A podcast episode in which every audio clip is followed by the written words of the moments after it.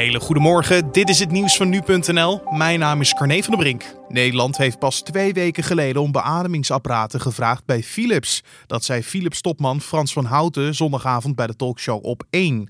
De topman wilde niet zeggen of de Nederlandse bestelling te laat kwam. Maar weet u nog wanneer die, dat telefoontje uit Nederland kwam? Uh, ik weet nog wanneer dat is, ja. Nou, wanneer was dat dan? Ja, dat is zo'n twee weken geleden. Twee weken geleden. Dat, dat lijkt eigenlijk best een beetje aan de late kant, vindt u niet?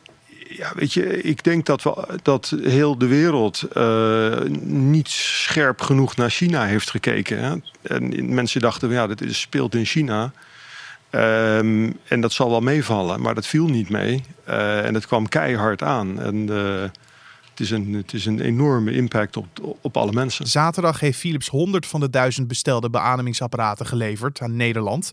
Hoe snel de rest van de bestelling komt, hangt af van hoe snel het bedrijf kan produceren.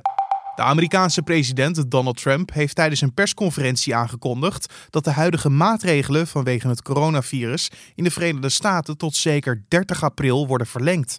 Volgens Trump zal naar verwachting over twee weken een piek zijn in het dodenaantal in de VS. De maatregelen rond het virus in de VS zouden in eerste instantie 15 dagen van kracht zijn. En Amerikanen moeten nu tot eind april zoveel mogelijk sociale onthouding toepassen.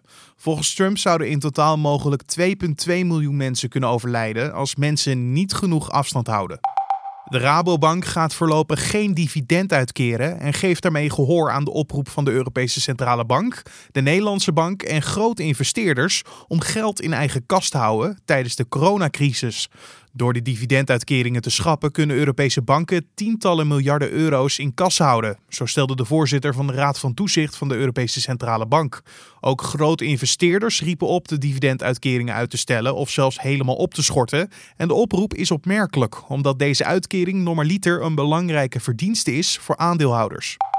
Partijleider Toenahan Kuzu van Denk maakte vorige week bekend uit de politiek te stappen. Alleen de reden zou mogelijk nu duidelijk zijn geworden.